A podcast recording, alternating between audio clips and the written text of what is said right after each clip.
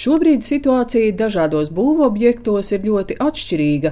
Tā notiekošo nozarē vērtē valsts nekustamo īpašumu valdes priekšsēdētājs Renārs Griškevičs.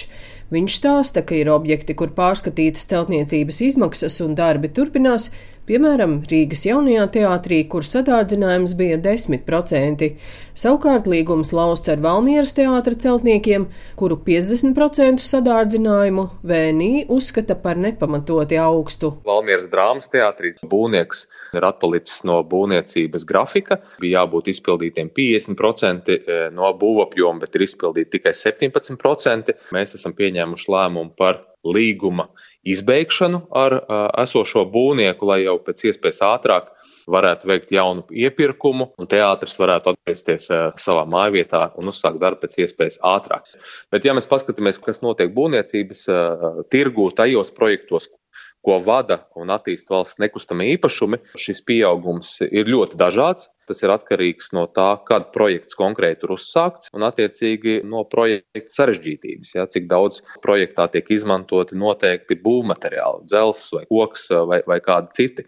Un līdz ar to tas pieaugums vai objektīvais sadārdzinājums ir ļoti dažāds un svārstās līdz 40%. Luminor bankas ekonomists Pēters Strautiņš vērtē, ka pērn celtniecības materiālu cenu straujo kāpumu ietekmēja pandēmija, tā kā ierobežojumu dēļ nebija pieejami daudz daudzi pakalpojumi, bija liels pieprasījums pēc precēm, savukārt šobrīd pasaulē būvmateriālu cenas sāk samazināties. Cilvēkiem uh, ierobežoja iespējas tērēt naudu pakalpojumiem, tad viņi attiecīgi vairāk tērēja precēm, Līdz ar to visādi veidi preču ražošanas izmaksas cēlās, grūtības ar piegādēm, transportēšanas izmaksas kāpums.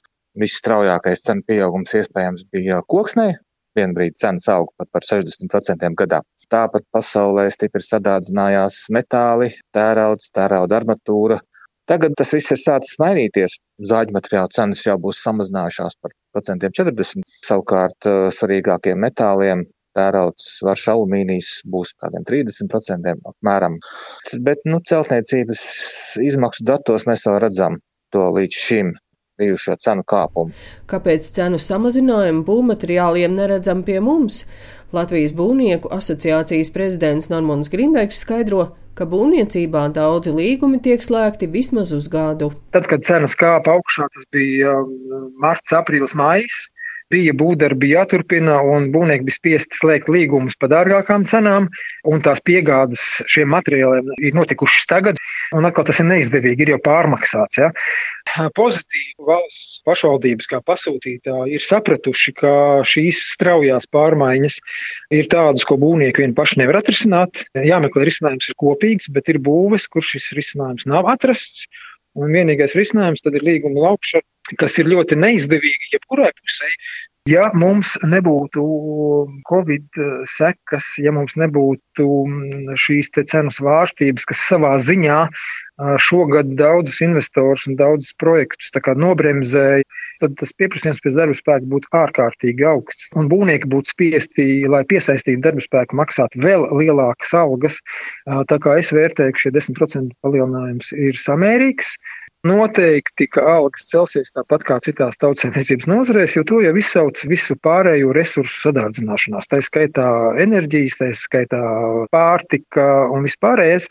Un tas, ka mm, būvniecībā darba spēka piedāvājums ir mazāks nekā pieprasījums, arī, protams, rada šo izmaksu sadārdzinājumu. Algu jautājums, protams, ir būtisks ne tikai skolotājiem vai mediķiem, bet arī būvniecības jomā strādājošiem.